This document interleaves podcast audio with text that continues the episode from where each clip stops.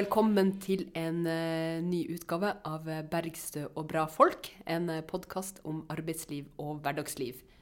Jeg er Kirsti Bergstø, nestleder i SV, og med meg har jeg Ingrid Wergeland, kommunikasjonssjef i Manifestet Tankesmie. Og vi er veldig glad for å ha med akkurat deg på øret akkurat nå. Og vi tenkte at vi skulle starte samtalen i dag med en liten slags avsløring. Eh, fordi det, vi har jo begynt å få en del henvendelser fra, fra, dere som hører på, og vi er glad i hver eneste en av dere. Det kjenner jeg dypt inn i hjertet mitt, faktisk. Og eh, noe som flere har spurt om, det er jo den her kjenningsmelodien, eller jinglen eh, på godt nynorsk. Eh, hvor i all verden den kommer fra. Hva er liksom bakgrunnen for den? Og da tenkte vi rett og slett å starte med en liten avsløring. Det her er jo et uh, bestillingsverk. altså Dette er spesialkomponert for uh, vår uh, podkast. Det er Vi har ikke gått så veldig mange bekker over så veldig mange bekker etter vann. vi spurte rett og slett min bror, Torgeir Wergeland Sørby, en fastlege ute i Bærum som også er glad i å drive med musikk. Så han har komponert og spilt inn disse ringlene til dette formålet. Men og, hva er det vi egentlig hører? Vi hører eh, rett og slett eh, ringel laget av instrumentene Mellotron og Moog synthesizer, som er da noen ikoniske synthesizere i musikkhistorien, som veldig mange 70-tallsband brukte mye. Eh, det, storhetstiden til Mellotron var da eh, på 60-tallet, og den lyden, eh, den fløyteintroen til Strawberry Fields til Beatles, mm. der har de brukt eh, Mellotron. Og det de jo eh, det de gjør altså Det er på en måte samplere, disse synthesizerne, hvor, de da, hvor man da gjorde en rekke lydopptak på, på 50-tallet av eh, fiolinister og fløytister og alt mulig. Og så er det da lagt inn i synthesizerne, sånn at du da kan spille og lage da fløyter eller eh, ja, stryker osv. Så, yes. så det er, det er, noen folk som satt og spilte på 50-tallet, som nå har blitt til, eh, til lydsampler i, i vår, vår, vår podkast-jingle. Så det er litt fint å tenke på. Ja. Kan man trekke noen sånne politiske linjer til det? Ja, det, det gjør det litt vanskelig for meg. Jeg tenker at det, eh, stødige er noe som varer, eh, og som kommer i ny eh, utgave. Eh, og det, det, er jo det som er så vakkert med, med instrumenter, med musikk, men også med, eh, med, det grunnleggende i politikken. Så, så, sånn sett så kan man jo si at at linjene, linjene ligger der. Ja, I var, tonene ja. fra, fra, kamp og, og, evighet. Nettopp. Så det var det. Så da vet folk det når de hører eh, det programmet vårt starte og slutte ja. å avbryte sine mellom Tenk litt på det. Hvem spilte den fløyta på 50-tallet? Det, eh, det, kan du tenke litt på. Mm. Men sånn apropos søt musikk, eh, så har eh, jeg vært på reise i det siste. Det har du. Ja, ganske mye. Og jeg har eh, ikke bare vært på reise, jeg har vært på reise i kanskje det vakreste landskap man kan, eh, man kan eh, dra gjennom. Og det, det, er jo Finnmark. Ja. Så jeg har rett og slett vært på en ganske lang turné i dette vakre nord. Eh, med Vardø, Kirkenes, Kautokeino, Karasjok, Lakselv, Nesseby, Tana. Det høres litt ut som en det. Ja, det er litt rock'n'roll. Eh, det er det jo. Um, um, men uh, Og da kan man jo skjønne hvor mye de her rockestjernene egentlig ligger i buss. Det tror jeg er politikken og rockestjernenes felles skjebne. Det er jo å bruke mange mil uh, i, i, bil for å komme fra et sted til et annet. Nå var det jo veldig store deler av Finnmark som gjensto for akkurat denne reisa, men det, man kan jo ikke ta hele Finnmark i, i, på én turné. Men det som slår meg da, når jeg kjører eh, legger bak meg mange mil i dette vakre landskapet, det er jo hvor ufattelig forbanna jeg blir over denne sentraliseringspolitikken og over denne tvangssammenslåinga som eh, dagens politiske flertall er i ferd med å tvinge oss inn i. Og det, det handler liksom om flere ting. Eh, men det ene handler om at det er så voldsomme avstander så hvis, når Troms og Finnmark eh, eh, blir om, om, Troms og Finnmark skal bli en enhet, så blir det helt sånn ekstreme avstander å nå, nå komme gjennom. At det å, det å skulle ha en nærhet mellom folkevalgte og folk, det blir en umulighet. Og så ser man også hvordan tyngdepunktet nødvendigvis vil forflytte. Så jeg treffer liksom organisasjoner som driver og slår seg sammen over de her fylkesgrensene. Det er Fagforbundet, det er liksom Jeger og Fiske, det er partilag. Uh, og hvor uh, forbanna krevende det blir å drive med helt sånn grunnleggende demokratisk og politisk virksomhet fordi avstandene blir så enorme, og fordi at man må reise så ufattelig langt og så lenge for å rett og slett avholde uh, helt sånn her årsmøter og samlinger som er et, viktig grunnlag for å drive med, med politiske arbeid. Og da slår det meg jo, da, når jeg kjører i det her landskapet, hvor uh, ufattelig arrogant uh, det er uh, å tro at man tegner kartet bedre på en skrivepult i Oslo enn folk som bor og lever i terrenget. Fordi folk i nord, både i Troms og Finnmark, har jo sagt nei til det her. Og mm. Finnmarks fylkesting har sagt nei. Uh, og jeg tenker at det kommer til å være en av de virkelig store sakene uh, i nord fremover. Det, er, det, må være å mobilisere uh, for at denne tvangssammenslåinga ikke skal, skal, bli noe av. fordi det er galskap satt i system. Mm. Og, altså, og, hva er liksom det de sier, da? At det er viktig? De sier at må, alt må være så forbanna robust. Jeg kjenner jo det robust-ordet. Det er jo mm. noe som dingler i drøvelen og har gjort en stund. Fordi det er jo kodeordet for sentralisering. Eh, mm. Og det er jo kodeordet for at man ikke tror på lokalsamfunnene i dette landet. At man liksom må flytte alt til større enheter, vegg i vegg med et universitet. Bort ifra eh, de lokalsamfunnene som har både folk og funksjoner som kan betjene avgjørende eh, roller i, i, et samfunn, og som trengs der mennesker bor, og ikke langt fra der folk eh, har sin, sitt liv og virkelighet. Men eh, alle disse ja, foreningene og partiene og forbund, eller ja, fagforeninger osv. Som, som slår seg sammen, hvor er det de legger eh, fylkeskontoret sitt, da? Ja, nå er det jo ikke alle som har uh, fylkeskontor, for mange organisasjoner jo slett, har jo rett og slett ikke penger til å ha noen ansatte i det hele tatt. Uh, og det betyr jo at man bruker utrolig mange flere penger på å møte hverandre i stedet for å kunne møte andre. Mm. Uh, som jo blir et dilemma hvis du skal avholde et årsmøte f.eks. med de her gigantiske avstandene. Og dem som har eh, kontor, sånt, da blir det jo veldig lett eh, Tromsø. Mm. Og jeg er veldig glad i Tromsø, jeg er veldig glad i Troms. Eh, men, men, jeg er også veldig glad i demokratiet, og at vi har levende lokalsamfunn og, og virke rundt omkring i alle kriker og kroker.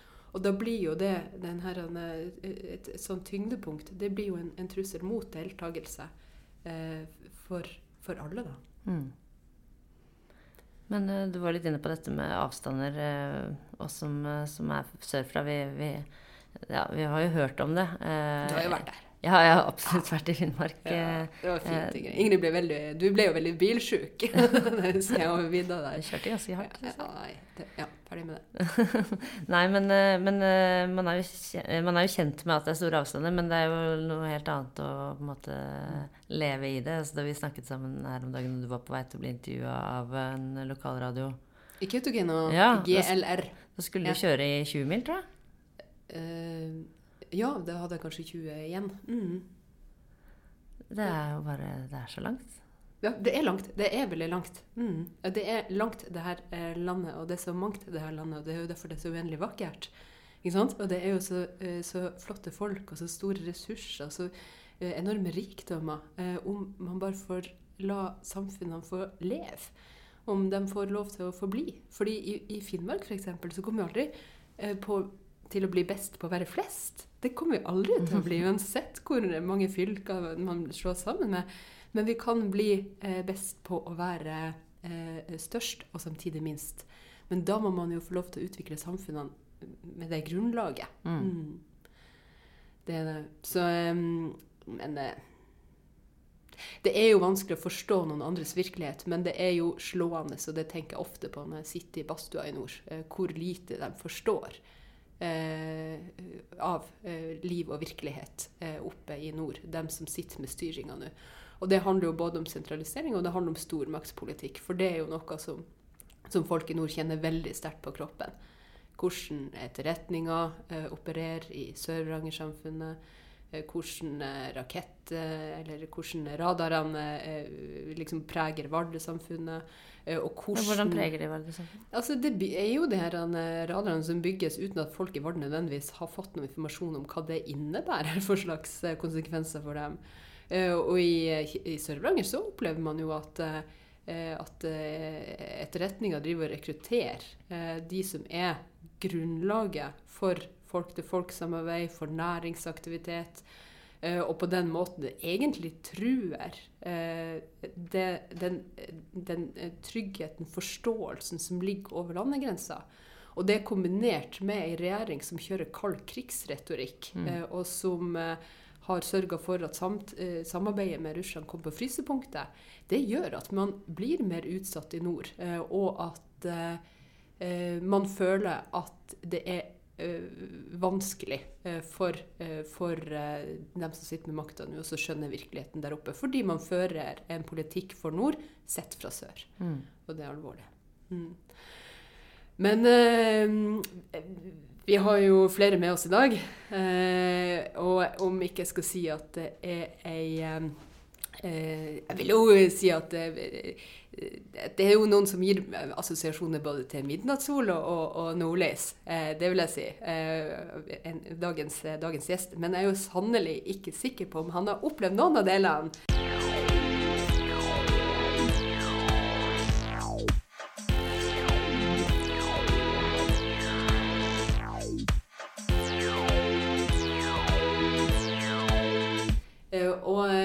Når vi nevner nordlys, så kan jeg jo bare anbefale boka 'Klassekamp under nordlysflammer' av eh, Dag Skogstad, som, eh, som alle burde, eh, burde ta et, et, blikk på. Og apropos både nordlys, midnattssol og klassekamp, så har vi den utrolige gleden av å ha en veldig flott gjest med oss i dag. Nemlig Arvid Erga, leder av L- og IT-forbundet i Rogaland. Velkommen hit. Tusen takk. Det er vi veldig glad for. Kan ikke du fortelle litt om eh, hva du gjør? Det kan jeg veldig godt. Eh, jeg, du sa det, jeg leder i L- og Rogaland. Det er et valgt verv. Jeg er valgt av eh, de 3500 medlemmene i IT-forbundet i Rogaland. Og Det er jeg utrolig stolt av å være, være valgt. Det er, Å være tillitsvalgt det er noe som gir deg noe. Det gir meg energi. Og å være, ja, å være, være representanten i Rogaland for så mange flotte, flotte medlemmer er helt utrolig. Eh, ellers, eh, jeg, siden det er valgt, da, så har jeg jo en annen jobb. Jeg er ansatt i firmaet firma som heter Bartek Teknor. Og det er som mange andre firmaer i Rogaland en del av eh, leverandørindustrien til, til oljebransjen. Eh, der driver jeg eh, innenfor IKT-sektoren i LHIT-forbundet. Og, og, og, jeg har hatt permisjoner i tre år. Jeg er ansatt der siden 2010, så jeg har jobbet der i ca. seks-sju eh, år. Og så har jeg vært eh, tillitsvalgt på fulltid i tre år som, som leder i LHIT-forbundet. Og det, ja, det, det, gir meg energi, og det, det er det kjekke. Jeg tror jeg har den kjekkeste jobben jeg kan tenke meg. Ja. Og jeg syns jo at det er veldig tydelig at uh, du bruker energien uh, til medlemmenes beste. For jeg har i hvert fall sett det høyt og lavt overalt, og, og alltid uh, til stede i de viktige slagene som står. Men kan ikke du fortelle litt om hvem medlemmene i LHIT-forbundet er? Det kan jeg godt. Eliteforbundet er, er ikke oppdelt, men vi består av tre sektorer og, og, som samarbeider veldig godt, selv om det er litt forskjellige sektorer. Vi kan begynne med eh, L-delen. Det to, består av to deler. Det er elektroinstallatørene. Det kan være de som jobber offshore på oljeinstallasjonene. Spesielt er mange av våre medlemmer som jobber. Og så er det på land de som monterer når du har eh, når du eh, Kirsti, skal montere en ny stikkontakt i huset ditt, så ringer du til elekt et elektrikerfirma og får en elektriker til å komme. Da ringer du alltid til noen som har treffavtale, vet du, og så blir det medlem i Eliteforbundet. Og de som kommer, det er de elektrikerne. Og så har vi de som bringer krafta til oss.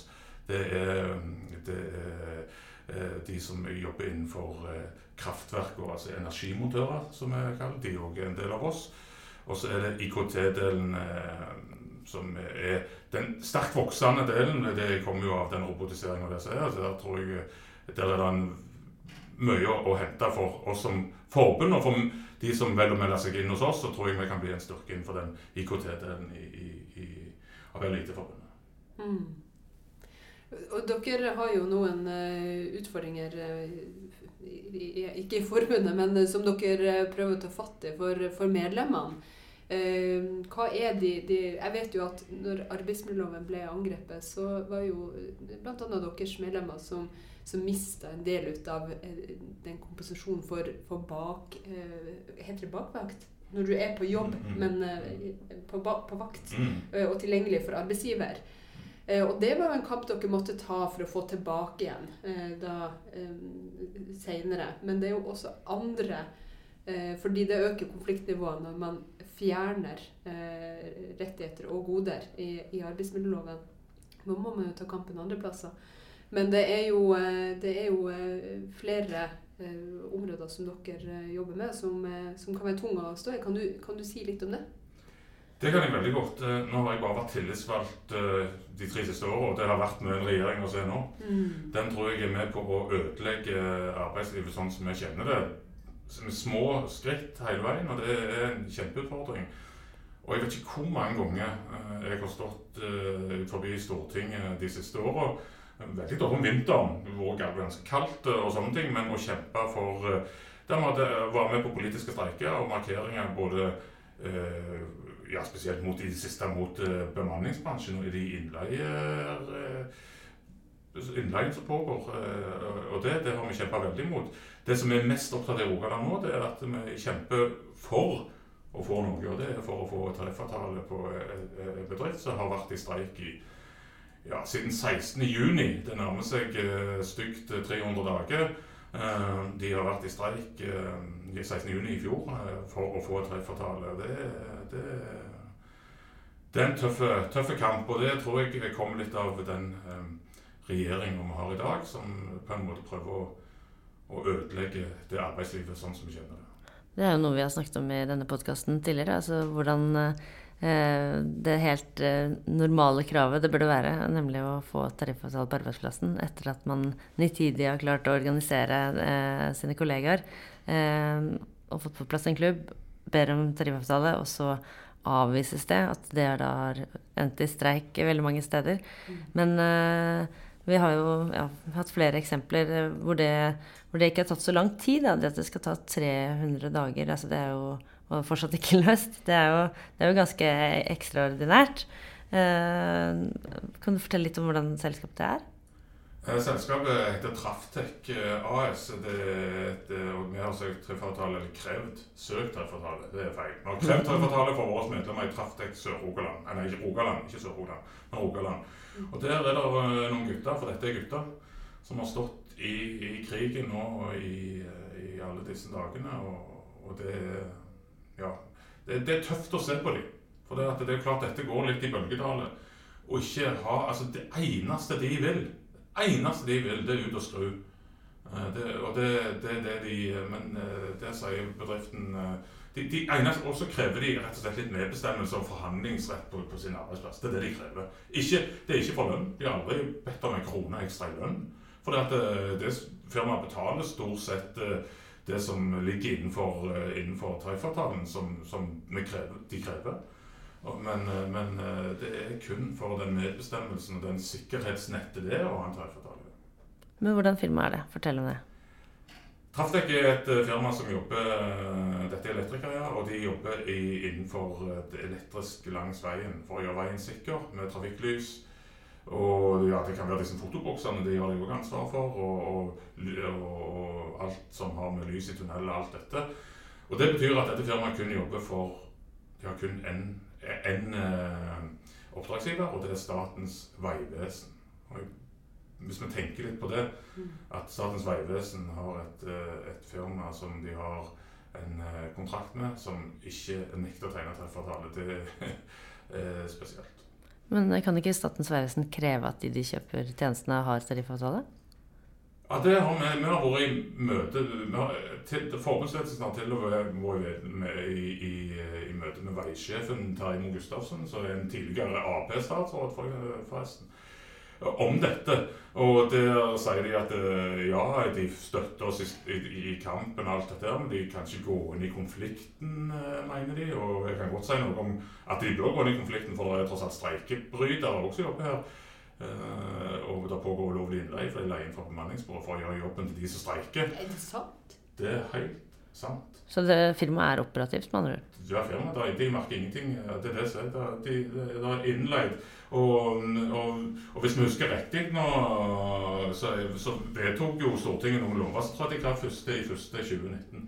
Og det var et firma uten tariffavtale ikke har lov å leie inn. Men de gjør det. Og Statens vegvesen godtar dette og sier at dette må juristene våre se på. Eh, Hvor lang tid de bruker å se, lese en lov, det jeg lurer på Jeg lover å spørre hva slags jurister de har. Eh, Men, eh, men ja, nei, det det, det, det, er det som skjer. Så Terje Moe Gustavsen eh, kunne ikke, og ledelsen i Rogaland òg i Statens vegvesen, som er i dialog med hele veien, de vil ikke gjøre noe, de vil ikke bryte kontrakten med Traftec fordi de er redde for, for søksmål, rett og slett. Det, det, Det det er jo fullstendig undergraving. Ja, det er det. Det er fryktelig. Så vi prøver å belyse dette så godt vi kan, eh, og prøver å få dette fram, men eh, ja. Det, det, dette, det, dette er arbeiderkamp, altså. Men, og, og de, de guttene er de tøffeste guttene jeg kjenner, eh, og de står i dette hver dag.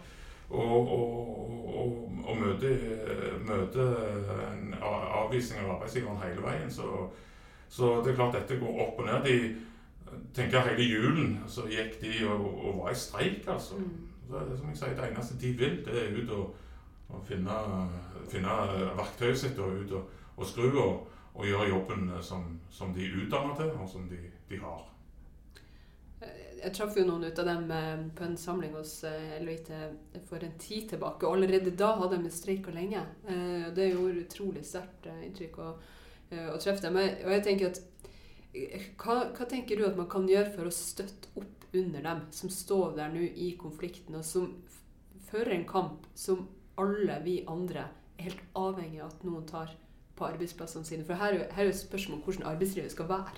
Her er spørsmålet om, om man skal akseptere at folk nektes noe så grunnleggende som tariffavtale, medbestemmelse, ordna forhold på jobben sin. Har du, har du noen tanker om det? Hva i verden kan vi gjøre eh, i de her eh, situasjonene? Det er klart at Vi har jo, eh, vi har jo sendt støtteerklæring og, og markert, markert det. Men, men jeg tenker at når Statens vegvesen kan forholde seg, eh, eller la være å forholde seg til den andre enden, eh, så, så er det jo eh, så burde man kanskje kunne gjort noe mer, da. Som vanlige folk, som venstreside. Som solidariske mennesker som vil stå opp for hverandre. Ja, Først og fremst vil jeg si at da, de er utrolig takknemlige for den støtten de har fått. For det har vært ganske mye støtte. Og spesielt ifra, ifra, ifra politikere. Spesielt ifra politikere ifra eh, veldig mange fra SV. Veldig, veldig bra støtte derfra, både lokalt og, og ikke minst ifra, ifra sentralt. Og det er ifra de andre partiene som er på den rette sida av, eh, av, eh, av streken. Altså de, de rød-grønne. Og, og så er det så er det medlemmene i LO òg har, har støtta dem. Vi har jo markeringer ganske ofte. eh, Og da står vi forbi bedriften, vi står forbi Statens vegvesen og sånne ting. Og det som jeg tenker, det eneste vi kan gjøre, det er å fortsette å støtte. Vi, vi kan ikke gi opp. Vi kan ikke la dette eh, la, la denne, denne kampen dø ut. Vi, ikke, vi, vi må jobbe for å holde gnisten i guttene, og vi må jobbe for å og, og fortsatt markere for Statens vegvesen og Traftec at dette aksepterer vi ikke. Og det, Derfor er det at dere politikere, eh, eller vi politikere, for det er jo det politikk vi driver med, Mm. med tillitsvalgte, eller hva det er, at vi fortsetter å stå i og, og, og støtte, og gjerne møte på noen markeringer og, og holde appeller, for det, det varmer. Og jeg ser når de får disse støtteerklæringene For det at det Eh, De har streikekontor eh, på kontoret hos oss. så Jeg treffer de eh, hver uke. jeg. Og, og ser når de får en støtteerklæring, hvordan det varmer. Og spesielt, eh, eh, spesielt hvis de ser at dette er en politiker som de eh, er landskjente f.eks. òg. Det betyr mye for dem. Eh, politikere stikker innom og sier hei. Det, det, det, det skal ikke mer til. Men, samtidig så må vi jo vise litt styrke mot, eh, mot eh, motparten her. Vi må vise at eh, dette finner vi oss det går bra. Nei, altså- Vi finner vi oss ikke i. Nei, nei altså uh, ulovlig innleie og streikebrytere det er jo noe av det verste svineriet som, eh, som man uh, må, stå i, i kampen mot, altså. Mm. Uh, Så da tenker jeg at man, vi får ta alle virkemidler i bruk. Det Mm. er jo ek, ekstremt en ekstrem trussel mot et trygt og ordna arbeidsforhold.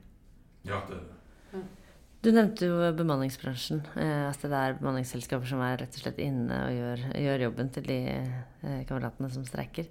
Eh, du og også LHIT har veldig sterkt engasjement mot bemanningsbransjen. Kan ikke du si litt om bare helt grunnleggende hvorfor, hvorfor det, hvor, hvor dette kommer fra? Ja, altså Bemanningsbransjen er jo noe som har vokst fram over tid. altså Det ble jo tillatt i 2000, var det vel eh, den frisleppet ble. Eh, og det har bare tatt større og større eh, del av arbeidsmarkedet. Og for alle, ikke et vondt ord om de som jobber i bemanningsbransjen. Det er jo ikke De, med, de, har, de støtter meg. Vi har mange medlemmer med som jobber i disse bemanningsselskapene. De fleste vil ikke være offentlige. De vil ikke si det til bedriften eller til sitt bemanningsselskap at de er organisert. Så det går under det som jeg kaller for hemmelige medlemmer, rett og slett. For det at eh, Vi hadde noen som var, som var i starten eh, begynte og de meldte seg inn. Og så, ga de beskjed til bedriften at de, var, at de hadde meldt seg inn f.eks. i Eliteforbundet. Det som skjedde da, altså De lever jo på telefonen. Eh, det er jo telefonen som er deres jobb. At det ringer ringe om ettermiddagen at i morgen skal du på jobb, eller om morgenen at det nå drar jobb til deg. Det som skjedde når jeg ga beskjed om det, det var jo at telefonen ikke ringte lenger. Eh, de rett og slett eh, så rett og slett eh, ikke fikk De var organisert, og da fikk de ikke, fikk de ikke jobb. Så, så, det er jo Det er noe som ikke hører hjemme i norsk arbeidsliv, sånn som vi kjenner det, denne bemanningsbransjen. For det, det, det er så rå forhold ute der ute at det, ja, det er skremmende. Vi, vi, vi kjemper imot hele veien. og, og Eh, det med, med EL Løyteforbundet sentralt. Vi ønsker å forby hele bemanningsbransjen. Der er vi på linje med, med SV og, og, og, Rødt. At dette, dette er noe vi ikke vi, vi, trenger det ikke i norsk arbeidsliv. Vi skal klare å løse alle oppgavene vi har i samfunnet på vanlig, normalt vis, som vi klarte før år 2000 i Norge. Men bare med si litt, fordi altså vi, jo, vi, vet at bemanningsbransjen er veldig utbredt i, i byggebransjen og i verftsindustrien. Men, men, eh, for en som ikke, ikke er i, i, disse bransjene, da, kan du beskrive litt om forskjellen eh, på, på det at man tar inn At man f.eks. henter inn et uh, elektrikerbyrå uh, til å gjøre en jobb på en byggeplass, og det at man henter inn et bemanningsselskap for å gjøre en jobb på en byggeplass. Altså hvordan, hva er forskjellen? Hva er vesensforskjellen liksom, mellom disse fag, fagbedriftene og, og bemanningsbedriftene? Eh, fagbedriftene den Elektrobransjen er underlagt ganske mange bestemmelser. Det skal være godkjent uh, i forhold til uh, DSB. De har jo ganske store, sterke krav til, til, til det med å installere elektriker, gjøre elektrikerjobber. For det er, jo, det er, jo, mye sikkerhet i dette. Sant? Altså, det skal være en høy grad av, av sikkerhet. Så, så Eh, det er, det er, fag, og, og det jeg, ta, jeg, skal ta et eksempel for deg, Ingrid. For det at eh, vi, vi, har eh, et firma i, i Rogaland som heter Teknisk Byrå, eh, som hadde en, en jobb, stor jobb på et firma der ledelsen ønska å leie inn de som skulle gjøre den jobben, til, fra bemanningsbyrå. Og Der krevde vår klubb, det sterke tillitsvalgte der, han krevde at nei. men Da jeg vet om et ledig, noen, en firma som har ledige Et produksjonsfirma altså, som har ledige elektrikere, vi leier inn derifra.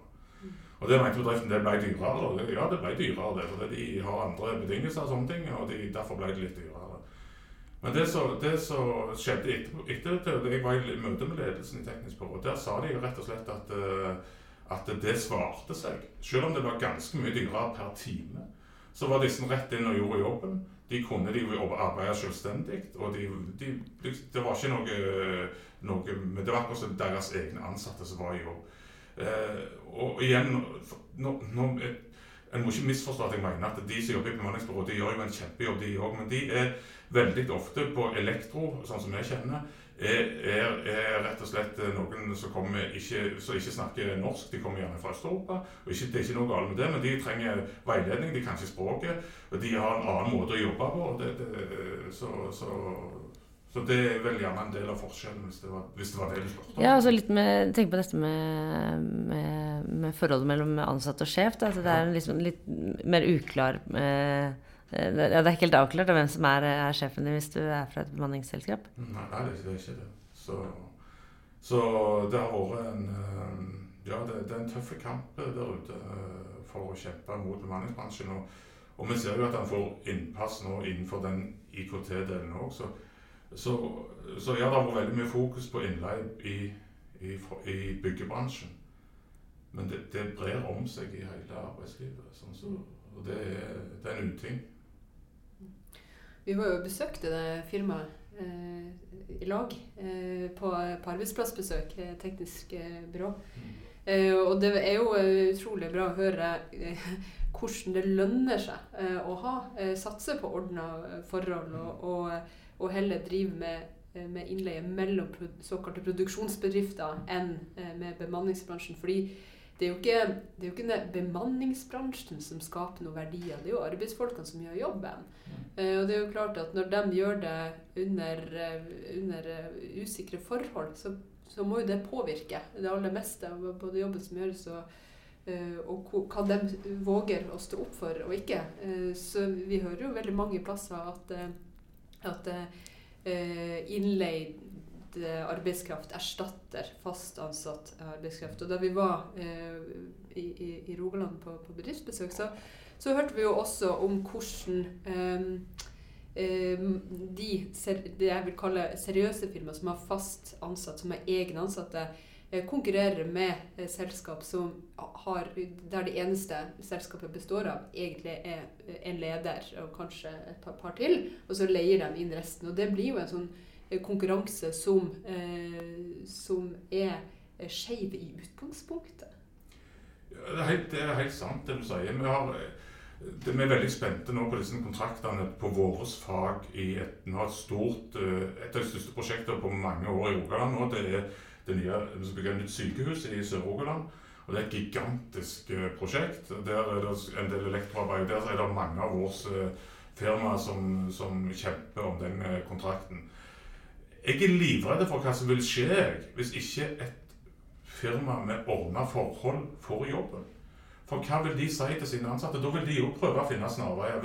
Altså for dette handler om at det skal være en, en skikkelig konkurranse mellom, de seriøse bedriftene, og ikke de konkurransevridende eh, forholdene for de som bruker gjerne folk fra bemanningsbyrå og sånne ting.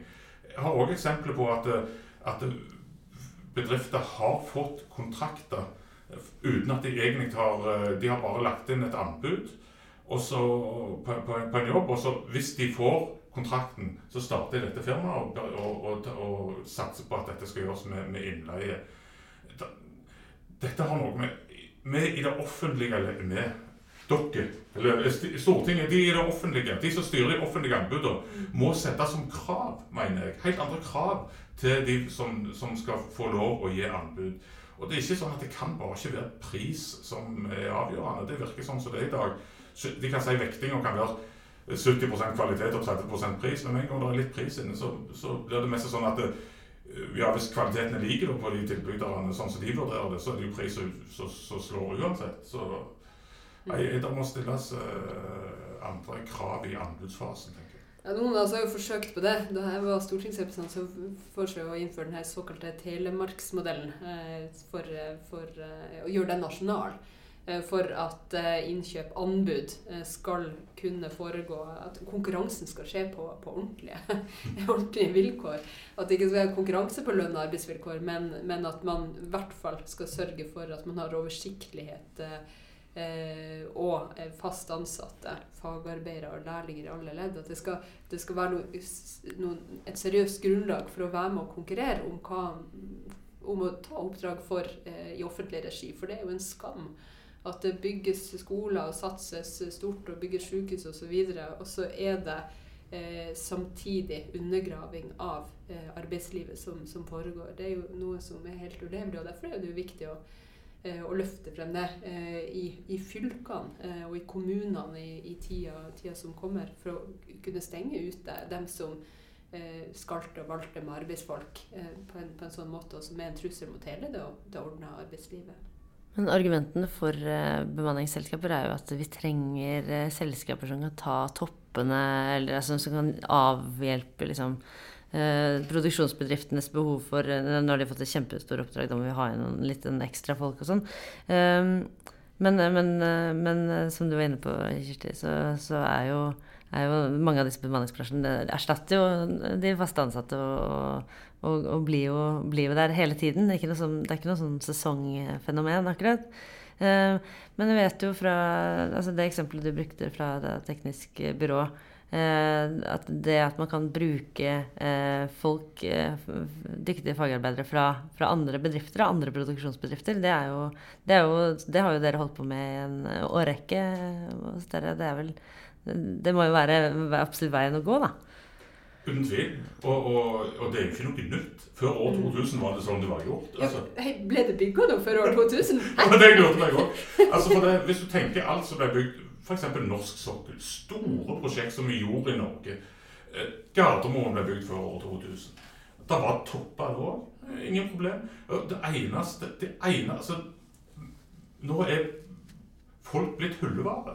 Du ringer og, Et firma ringer og bestiller en elektriker. Så ringer de til Adecco, så går de på hylla og ser hva har de har. Har, de, har, de, har jeg noe de kan, eh, de kan få? Altså, og det eneste de tjener penger på, er lønna til disse folka. Altså, de, som du er inne på, de, de har, Det er jo ingen verdiskapning det de holder på med.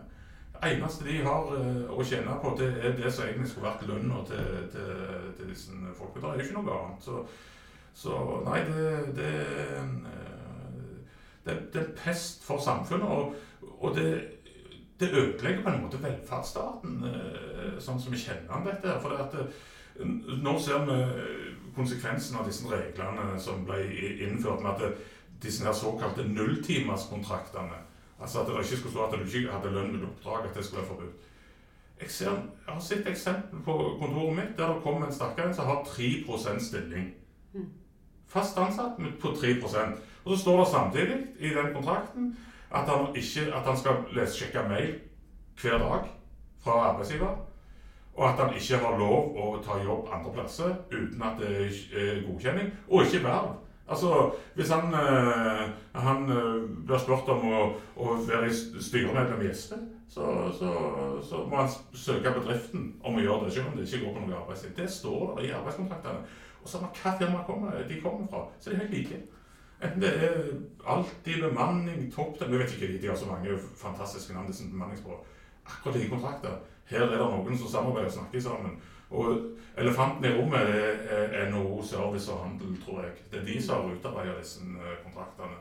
Og, og hvis det er en, eh, en unge gutt som skal stifte familie og alt dette her, gå i banken og spørre er du fast ansatt, ja, kan få se arbeidskontrakten din, så har 3 stilling. Du får ikke lån til noen bolig. Du gjør ikke det. Så det er klart, dette, dette, er, dette er pest for eh, pest for samfunnet. Og ikke bare tragisk for de det gjelder, men det er en pest for samfunnet. Det ødelegger samfunnet. Merker dere det på, med tanke på lærlingplasser også i bransjen? Selvfølgelig. Det, nå i, på Elektro i Rogaland så var det vel eh, til høst, I høst så var det vel 60 Det ble oppretta to VG3-klasser. Uh, eh, fordi at de, de, de, ikke klarte å få fram Vi jobba sammen med arbeidsgiverne, de seriøse, med, for å få mest mulig ut i, i, som lærlinger. Vi hadde vi kalte det dugnad. og Vi prøvde å få til noe sammen, og bedriftene tok inn mer enn de hadde tenkt. Mange av de, for, for vi har godt samarbeid med den seriøse delen av de vi har treffavtale med. De samarbeider vi godt med, de bedriftene der. Selv om de er motparten av forhandlinger, så ellers er de, er, er, prøver vi å jobbe sammen. Og, og de, kan ikke ha noen lærlinger, disse bemanningsbyråene. De har jo ikke noe uh, fag eller fagarbeid. Så, så det, det, ødelegger faget vårt òg på sikt. Det er jo ikke tvil om. Det har kommet nye regler for, eh, for innleie. Du var litt inne på det, på det tidligere. Hvordan, hvordan, merker dere det? Jeg merker egentlig at de, de har fått nye arbeidskontrakter. De synes at de, så det sto Tidligere så sto det at de ikke hadde lønn med oppdrag, så bare de var fast ansatt. Men for tiden utbetales ikke lønn mellom oppdrag. Det er jo sånn fast tekst som sto på alle. Nå ser du at de må ha en stillingsprosent. For det, at det kan ikke lov å stå det, for det er en såkalt nulltimerskontrakt som er forbudt i, forhold, i henhold til den nye arbeidsmetoden. Så alle har fått den samme med, med, med prosent, prosenter fra, fra 3, så jeg har sett på det minste. Og den som jeg har mest prosent, det var en som heter 80 stilling som elektriker i Adecco. Um, en av våre tillitsvalgte uh, skulle leie inn fra bemanningsbyrået, for det hadde en topp på sitt så han, uh, på, på, på sin bedrift, og bedriften skulle leie inn. Da krevde han tillitsvalgte at den skulle være ansatt i 100 stilling i det bemanningsbyrået. Mm. Sant? 100 stilling, som er jo normalt. Og Da ringte han til Adecco, så sier de er de mest seriøse i klassen. at eh, Da sier bedriften at ja, vi skal leie inn eh, da kan skaffe oss tre elektrikere, men de må ha en, en, en arbeidskontrakt som sier at de er ansatt 100 hos dere. Adecco da sier at nei, beklager, det har vi ikke. Du får prøve en annen plass, men du finner ingen. Så det det er ingen som er ansatt på 100 stilling i, i bemanningsbransjen. Det, så de, de har fortsatt ikke lønn mellom oppdrag, for å si det sånn. Men i forhold til det med å våge å organisere seg og det, altså De kontraktene du beskrev i sted, er jo grove brudd på grunnleggende menneskerettigheter. Ja. Eh, faktisk. Eh, merker dere at arbeidsgiversida har blitt mer forsiktig med den slags, eller prøver man seg like eh, stadig like hardt? Den, den useriøse delen, de prøver seg like hardt. Og så han ene som var oppe hos meg, sa at eh, jeg skulle ønske de nye reglene ikke trådte i kraft, at jeg kunne ha den avtalen jeg hadde. Han, han, med han sto med 15 eh, 16% var han faktisk stilling i et bemanningsbyrå. Så Der står han fast i den. Eh, Jeg mener jo den ulovlige arbeidskontrakten Arbeidsmiljøloven sier noe om at eh, arbeids, i arbeidskontrakten skal det stå hvilken tid du skal jobbe. Altså på en 16% stilling så har du du har ikke en full dag i uka engang. Det skal, det skal jeg stå. Du, skal, ifølge arbeidsmiljøloven om arbeidskontrakter så skal det stå hvilken tid du skal jobbe. Så, så jeg synes det, det jeg mener det er en ulovlig arbeidskontrakt. Og, og, og, men han, han sier det kan vi ikke få tilbake det der bare sto at det ikke var lønn mellom oppdrag. Så, så det, eh, det er jo tragisk at vi ikke har klart å få til et tilsyn med den nye loven òg. Det er jo eh, det er jo et bevisst trenering fra de som har flertall i dag. da. Mm. Så stiller jo eh, veldig store krav egentlig til tillitsvalgte. Eh, som skal være med på å godkjenne bruken av innleie og, og, så videre. Hvordan, hvordan, hvordan har dere liksom rigga dere for å ta den oppgaven der? Det er jo, eh, det er jo et veldig stort ansvar eh, å legge på, eh, på tillitsvalgte. Det er det. Det er jo det, de, de tillitsvalgte som nå er liksom de som skal både håndheve og, og, og, ta seg av den loven. Vi, driver med skolering. Vi hadde et kurs for eh, rundt 30 tillitsvalgte i januar. eh, der vi gikk gjennom de eh, loven sånn som sånn som vi tolker den, og sånn som LO juridiske, som er vår rådgivere, tolker den. Jeg var veileder selv på det kurset, og, og vi gikk gjennom reglene. og det er jo men det, det er ganske tøft det, eh, for de tillitsvalgte. Vi har noen sterke klubber, de klarer mer å stille på kravene. Men de, det er ganske tøft å gå inn til arbeidsgiver og, og, og, skal kreve å ha en skriftlig avtale. For, for, for arbeidsgiveren vet det. Ja, ja, det kan godt være jeg bryter den loven, det er ikke noen konsekvenser med det. Så, så, så det, det, det er en utfordring, det. Jeg lurer på om vi skulle stille deg det faste spørsmålet vårt, ja. Ja. Det som kanskje mange sitter og lurer litt på. ja. Vi har jo en fast spalte hvor vi spør gjestene våre om eh, hva som var deres første jobb. Ja, det, det, det, det er min første betalte jobb. Første betalte jobb, Da var jeg 13 år. og det, altså, eh, Når jeg tenker på tilbake på hvordan, eh, hvordan jeg- har jobba med, så vil jeg sikkert vært museum etter hvert. For at det, når, når, det, det er noe som ikke er tilgjengelig. Jeg var 13 år og begynte å gå med avis etter skoletid. Stavanger Aftenblad gikk jeg med i Sandnes etter rett fra skolen på sykkelen. 130-40 abonnenter hadde jeg ansvar for å levere aviser til hver ettermiddag. Det var min første, første jobb. Rett og slett ettermiddagsavisa. Ja, Mm. det var Ja, nei, men det er jo Det er en fin jobb. ja, fantastisk. Jeg storkoste meg med den jobben, for det ja, det var mange kjekke langs ruta. Og, og jeg gikk i et område der, eh, der det var godt voksne, veldig mange pensjonister og sånne ting. og det var ofte gjerne så lå det et eller annet oppi postkassen. Nei, er det sant? Ja, det var- Kjærlighet, liksom, eller? ja, ja, ja. Banka det et camphor drops. Ja, det, bra. Og på julaften, da var det, da var det morgenavis. Det var veldig spesielt. Da lå det gjerne en konvolutt med 50-lapp oppi. En pose Twist. Det var helt fantastisk. ja, det var helt rolig. Så det var, det var, det var kjekt. Så det var, det var en givende det var en givende. Det var det første jeg tjente penger på. Og det var ja. Hva sparte du penger til, da? Da, jeg var litt i overkant eh, interessert i musikk, så da, da når jeg fikk eh, Jeg kjøpte mye LP-plater. Vinyl. må være i min alder for å vite hva vi snakker om nå, men, men, eh, men ja, det var mye musikk. det. Mm. Hva er favorittene? Ja, jeg var ganske sånn det, var, det var ganske mye rock. Altså, altså fra, fra starten av så var det Deep Purple, Black Sabbath, Led Ja. Zeppelin, Metallica opp igjennom. Så ja. mm, Så det var noe som som reiv litt i øregangene. De gode, gamle. Ja. det høres veldig bra ut. Hva du syns om jinglen vår? da? Ja, fantastisk flott. Ja. Ja, du, du, du, du liker den? Ja. det, det er bra. Eh, den kan jo minne litt om, om eh, ja, tider som har gått, eh, og ikke minst tider som skal komme. Mm.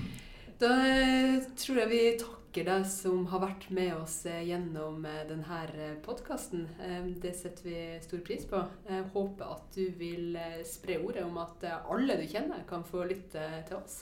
At du vil abonnere. Og så håper jeg at du vil like og dele, og det som bedre. Men aller mest så håper jeg at folka på Traftec får tariffavtale. Ha en fantastisk dag. Takk for at du var med oss. Música